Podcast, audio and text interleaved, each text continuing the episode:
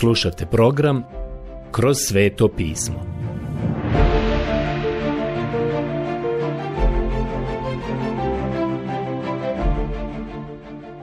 Knjiga Postanak. Odlomak Postanak poglavlje 49 od 16. stiha do poglavlja 50 26. stiha. Nastavak Jakovljevog blagoslova za njegove sinove – koji je izrekao na samrtnoj postelji. Došli smo do ovog posljednjeg proučavanja u knjizi Postanka. Došli smo do 49. poglavlja do 16. stiha. Stari Jakov je na samrtnoj postelji.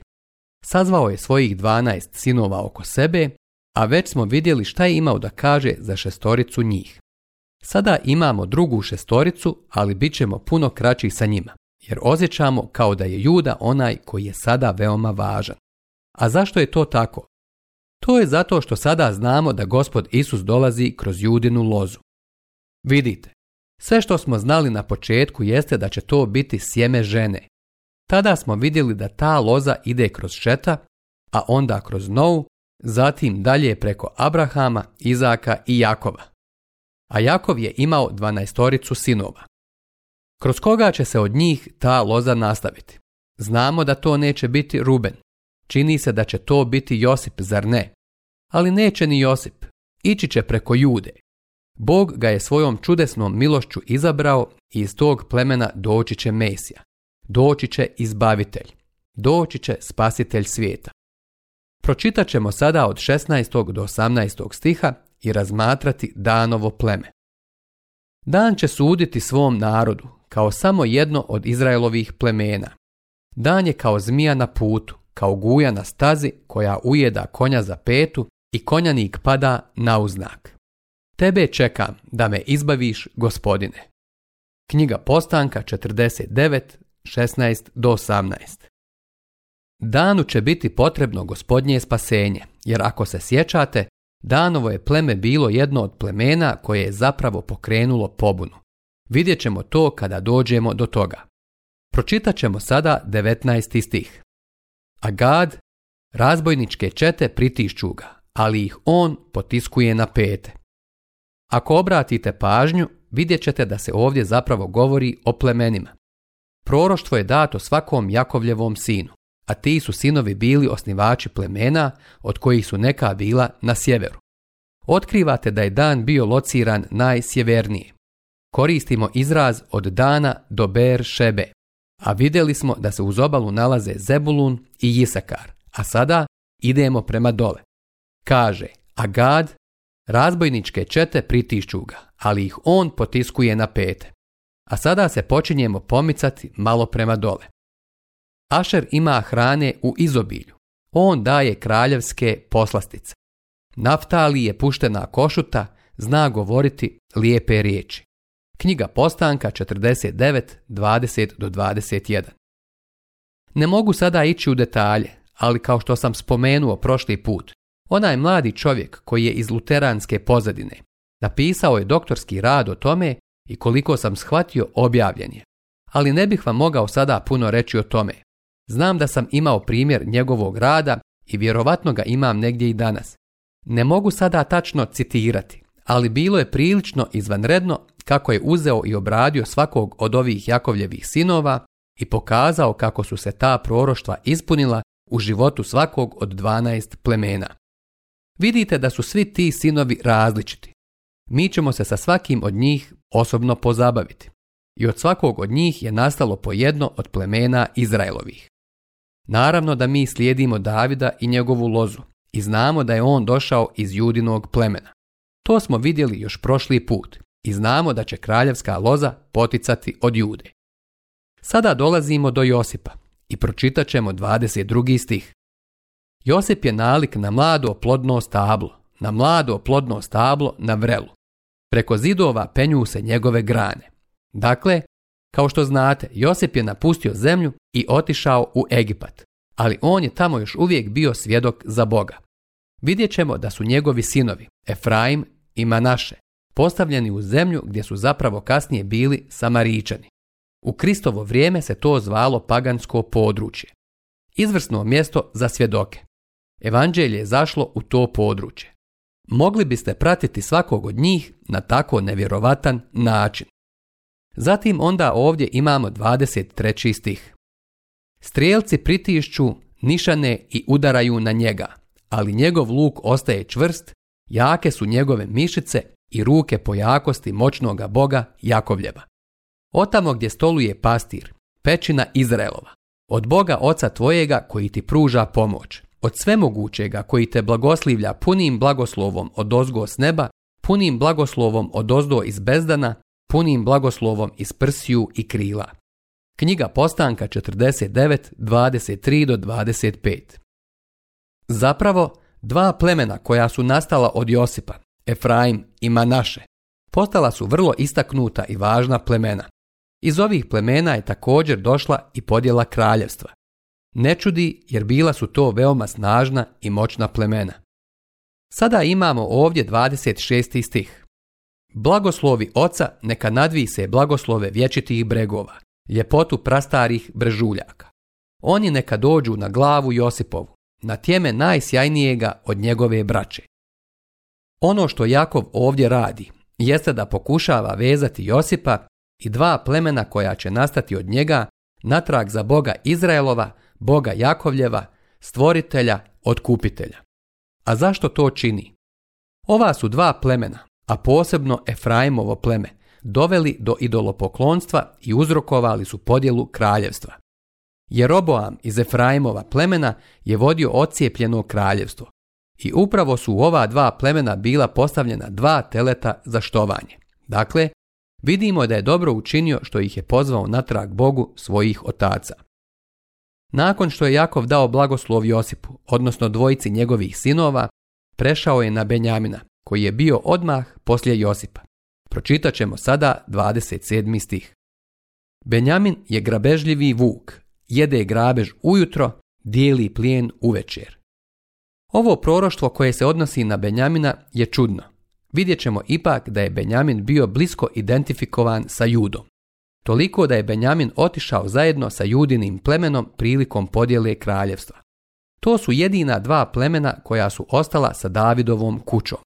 Ovo je izvanredno proroštvo koje ima i druga ispunjenja. Nećemo ulaziti u detalje o svemu tome bila bi izvanredna studija i dobro iskorišteno vrijeme ako bismo pratili svih ovih 12 sinova, od kojih su nastala 12 plemena i istoriju tih 12 plemena. Jakovljeve zadnje riječi i njegova smrt.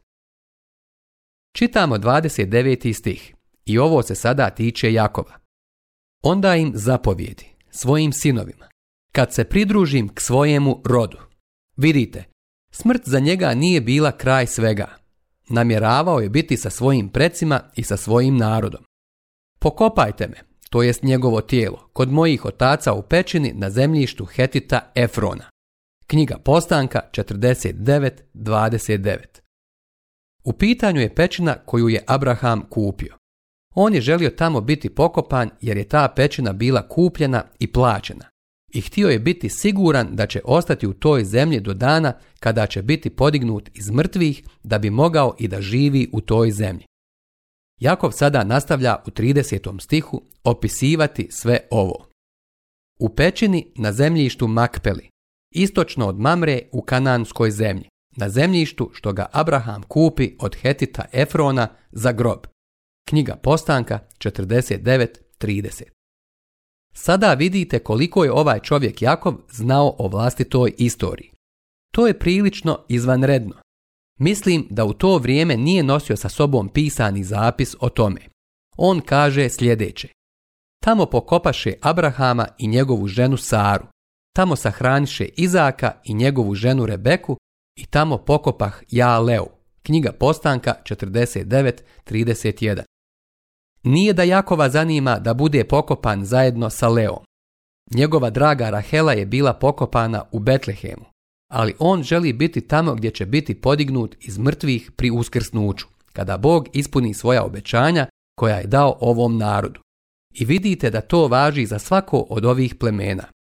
Zatim, Jakov nastavlja u 32. i 33. stihu. Zemljište i pećina na njemu bili su otkupljeni od Hetita kad je Jakov svojim sinovima dao posljednji nalog, povuče svoje noge natrag na postelju. Tada preminu i bi pridružen svojim zemljacima. Knjiga Postanka 49, Ja mislim da je ovo veoma zanimljivo. Sve do samog kraja Jakov je držao noge na podu. Započeo je život kao tjelesan čovjek. Pri rođenju je uhvatio petu svoga brata i nazvan je zamjenjivač a to ime je kasnije i opravdao. To mu je svakako bilo svojstveno. Zgrabio bi sve što je mogao zadržati. Uvijek se laktao i pokušavao biti prvi. A počeo je tako što je išao na sve četiri. Uzimao je što je htio ne birajući sredstva. Kao mladić hodao je u vlastitoj snazi i sposobnosti. Ovisio o vlastitoj pameti i domišljatosti. Bio je u stanju brinuti se sam za sebe. Nije mu trebao Bog ali naučio je svoje lekcije kada je posjetio ujaka Labana, samodostatnog, samouvjerenog, agresivnog i prezira vrijednog čovjeka. A onda je Jakov nakon tog iskustva došao u Penuel kod potoka Jabok. Bog ga je obogalio. Bog mu je morao slomiti nogu da bi ga zadobio za sebe. Ja mislim da je Bog bio spreman slomiti mu čak i vrat. Jakov je dalje išao kroz život šepajući. Drugim riječima, krenuo je na četiri noge, išao je na dvije noge, a sada će ići na tri noge. On će koristiti štap. Hodaće uz pomoć štapa. On više nije mogao sam hodati. I sada vidimo Jakova ovdje u trenutku smrti, iako sjedi u krevetu, on se još oslanja na svoj štap. Ali sada je došlo vrijeme da ode. Samo je podigao svoje noge i povukao ih je u krevet, spustio je štap legao i umro. Ovo je Jakov. Hodao je dugo kroz život i prešao je dugačak put. 50. poglavlje Jakovljeva sahrana i Josipova smrt i sahrana. Sada smo u 50. poglavlju i ovdje vidimo Jakovljev ukop. Ovo je prikladno poglavlje za kraj knjige Postanka, koja je započela stvaranjem svijeta, a zatim završava gotovo potpuno dosadno, jer je greh ušao u čovječanstvo i donio je smrt. Ovdje imate Jakovljevu smrt i sahranu i imate smrt i sahranu Josipa. Jakov je sahranjen u Kananu, a Josip je sahranjen u Egiptu. Obratite sada svoju pažnju na prvi stih 50. poglavlja knjige Postanka. Josip se baci na oca i plakao je nagnut nad njim i cjelivao ga. Prirodno je da je tugovao. Volio je svog oca. Tada zapovjedi Josip liječnicima što su bili u njegovoj službi neka balzamiraju njegova oca. I liječnici su balzamirali Izraela. Knjiga Postanka 52 Kao što znate, Egipćani su bili prilično stručni u takvim stvarima. Čuli smo za mumije u Egiptu. Imali su metodu sahranjivanja koju mi do današnjeg dana nismo baš shvatili. U tome je bilo nešto veoma izvanredno što su oni znali. Veliki broj ljudi misli da je izraelski narod razvio tu tehniku dole u egipatskoj zemlji. Nisam baš siguran u to, ali ne bih o tome raspravljao. Međutim, barem je Josip pozvao doktore i naredio im da balzamiraju njegova oca Jakova. Na sahranama se ne smijemo, ali ne mogu, a da se ne nasmijem kada pomislim da su od starog Jakova napravili mumiju. To je ono što mu se dogodilo. Mislim da je njegova mumija i danas gore u Hebronu. Njegov zahtjev je bio, želim da me odvedu i pokopaju tamo gore u Kananu. Zašto? Prijatelj, njegova nada je bila zemaljska nada, zar to ne vidite? Želio je biti pokopan tamo gore u toj zemlji jer će jednog dana uskrsnuti iz mrtvih i kada se to desi, on će biti tamo u zemlji sa narodom Izraela. On nema obećanja da će biti podignut u susret sa gospodom u zraku i da će otići na mjesto koje se zove Novi Jerusalem, to obećanje je dano Božjoj djeci u današnjoj crkvi. Postoje dvije različite nade, ali obe su veličanstvene i predivne. Biću iskren sa vama. Čim imam jednu nadu, ja imam i onu drugu, ali uvjeren sam da je superiorna nada ona koja podrazumijeva otići i biti s Kristom. To je nada današnjih vjernika u crkvi. Zatim nam je rečeno sljedeće. U tome prođe 40 dana, jer je toliko vremena trebalo za balzamiranje. Oplakivali su ga Egipćani 70 dana. Knjiga Postanka 53. Ovdje bih vam skrenuo pažnju na dvije stvari. Jedna je dužina vremena koje je bilo potrebno za balzamiranje, a to je 40 dana. I vidimo da su Egipćani tugovali za Jakovom, ali ja ne mislim da je to bilo profesionalno žalovanje. Mislim da je postao pravi svetac u zemlji Egiptu i vjerovatno su ga gledali i poštovali kao Josipovog oca. Josip je bio neko koji je izbavio narod u kontekstu gladi, a Jakov je bio njegov otac i on je u to vrijeme bio pravi svetac Božji. Pročitat ćemo sada od četvrtog do sedmog stiha. Kad prođoše dani žalosti za njim, reče Josip dvoranima faraonovi. Ako sam našao milost kod vas, progovorite, molim, zame faraonu. Otac me je moj zakleo i rekao mi, evo umrijeću, pokopaj me u mom grobu što ga sebi iskopah u kananskoj zemlji. Zato bih sada pošao da pokopam svoga oca. Onda ću se opet natrag vratiti. Faraon reče, otiđi i pokopaj svojega oca kako te je zakleo. Tako ode Josip da pokopa svojega oca, a s njim pođoše sve faraonove sluge prvi njegovi službenici i svi dostojanstvenici egipatske zemlje. Knjiga Postanka 54 do 7. Vidite, ovaj je čovjek bio jako voljen i poštovan u zemlji Egiptu. Ovo je vjerovatno najduža pogrebna povorka koju je svijet dotada ikada vidio. Kada kažem najduža, po tim mislim da je podrazumijevala put od Egipta do Kanana, do Hebrona, a to je prilično dugačka pogrebna povorka. Nadalje sva Josipova družina, njegova braća i kućna družina njegova oca. Samo svoje žene i djecu, svoje ovce i goveda ostaviše u Gošenskoj zemlji. Knjiga Postanka 58 Ne znam, ali sumnjam da je Faraon to zahtijevao kako bi bio siguran da će se Josip vratiti. Faraonu je on bio potreban. Čitat ćemo sada od 9. do 13. stiha. A pođoše s njim i kola i konjanici tako da je bila povorka veoma velika. I kad dođoše u Goren Hatad, s onu stranu Jordana, održaše ondje veliku i veoma svečanu žalost za pokojni. On priredi svojemu ocu korotu od sedam dana. Kad stanovnici one zemlje, kananci, vidješe u Goren Hatadu žalosnu svečanost, rekoše Tu se drži velika žalosna svečanost Egipćana. Zato se prozva ono mjesto Abel Misraim, leži s onu u stranu Jordana. Učiniše mu njegovi sinovi onako kako im je bio zapovjedio. Odnesoše ga naime sinovi u kanansku zemlju i pokopaše ga u pećini na zemljištu Makpeli, na zemljištu što ga je bio otkupio Abraham za grob od Hetita Efrona, istočno od Mamre. Knjiga Postanka 50, do 13. Možda će ovo odgovoriti na pitanje za koje sam siguran da će ga mnogi postaviti, a to je Šta je sa Jakovom? Zašto nije sahranjen sa svojom dragom Rahelom u Betlehemu? Betlehem je bio u blizini, vjerovatno još nekih 30 kilometara sjevernije. Mislim da je to sada očigledno. Iznova i iznova nam je rečeno da je ovo mjesto koje je Abraham kupio i da je Jakov želio biti ukopan na mjestu koje je kupljeno i plaćeno kako bi bio siguran da će ostati u toj zemlji. Mislim da je to važno uvidjeti.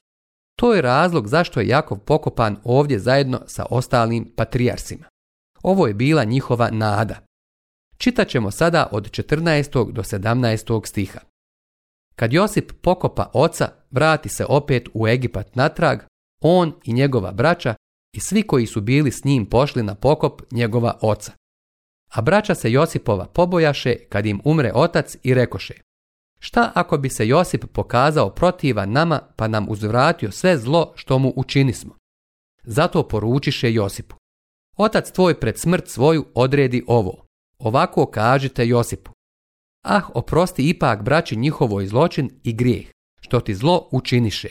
A sad, oprosti nam, molimo, naš zločin. Mi štujemo Boga tvojega oca. Kad mu oni to poručiše, Josip zaplaka. Knjiga Postanka 50, 14 17. Vidite, očigledno su braća došla starom Jakovu još prije nego što je on umro i rekli mu Šta će biti s nama kad ti umreš? Josip će se tada okrenuti protiv nas i okomiti na nas. Jakov im je rekao sljedeće. Onda je ovo moja poruka koju želim da prenesete Josipu i siguran sam da vas on neće progoniti ili pokušati se osvetiti. Konačno, vidimo ovdje priznanje ove braće. Oni su zamolili Josipa da im oprosti i plakali su zbog toga, jer su se sada pokajali. Čitamo sada 18. stih.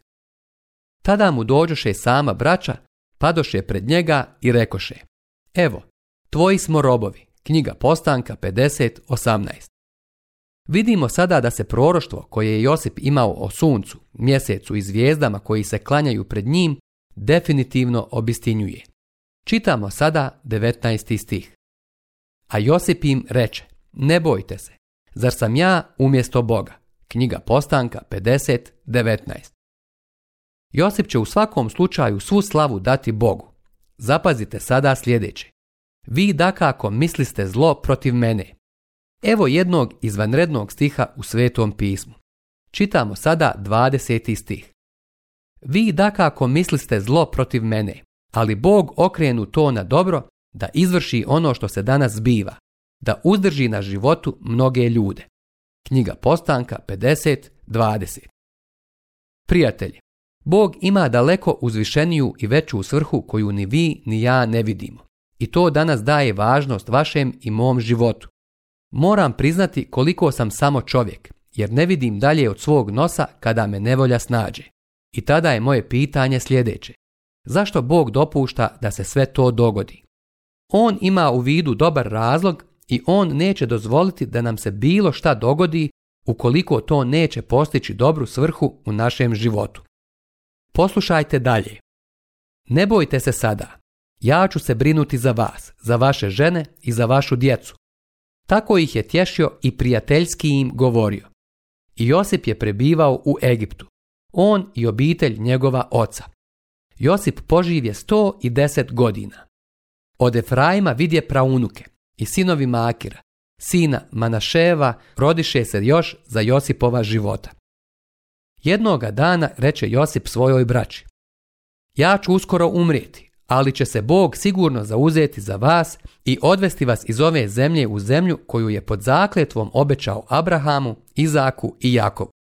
Tada zakle Josip Izraelove sinove i reče, kad se Bog jedanput milostivo zauzme za vas, tad uzmite sa sobom moje kosti odavde. I umre Josip, a bilo mu je sto i deset godina. Balzamiraše ga i položiše ga u ljes u Egiptu. Knjiga postanka 5021 do 26. Na ovaj način završava knjiga postanka. Počinje riječima. U početku stvori Bog nebo i zemlju. To je početak. Ali sada vidimo kovčeg u Egiptu. Šta se dogodilo? Grijeh je ušao u ljudsku porodicu. Ali kada posmatramo konkretno ovo, postavlja se pitanje. Zašto je Josip u to vrijeme pokopan u egipatskoj zemlji? Mislim da je to zbog toga što je Josip bio heroj u egipatskoj zemlji. Ne mislim da bi oni tada dozvolili da se njegovo tijelo odnese sa te zemlje. Mislim da je on bio jedan od istaknutih rodoljuba koje su Egipćani vjerovatno štovali. Barem su se sa poštovanjem odnosili prema njegovom grobu i vjerovatno mu je bio podignut i spomenik. On je rekao svome narodu, kada budete krenuli odavde, ne ostavljajte moje kosti ovdje dole. Prijatelji, ja sada ponovo mogu da kažem da je i on imao nadu. Bila je to zemaljska nada da će jednog dana uskrsnuti iz mrtvih. Ali ako on treba uskrsnuti iz mrtvih i biti uznesen da se susretne sa gospodom u zraku, kakve veze ima da li je ta lancirna rampa u Egiptu ili Kananu, ili u Floridi, ili gdje god da živite? Ne bi bilo nikakve razlike. Jednog dana ćemo biti podignuti kako bismo se susreli sa gospodom u zraku. Nije bitno gdje smo sahranjeni ali ovim ljudima je mnogo značilo da budu ukopani u toj zemlji, jer ta je zemlja bila njihova nada. To će biti njihov vječni posjed. I ovo nas sada dovodi do završetka proučavanja knjige Postanka.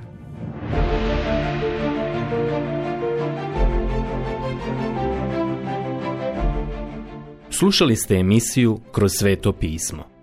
Možete nas slušati i na našem YouTube kanalu putem mobilne aplikacije – te na svim glavnim podcast platformama kao što su Google, Apple i Spotify.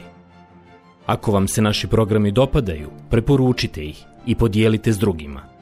Budite slobodni da ostavite svoj komentar ili nam pišite na našu e-mail adresu kroz svetopismo.bih at gmail.com Zapratite našu stranicu kroz sveto pismo BiH na Facebooku i na Instagramu Emisije iz ove serije možete pronaći na našoj stranici ttb.twr.org.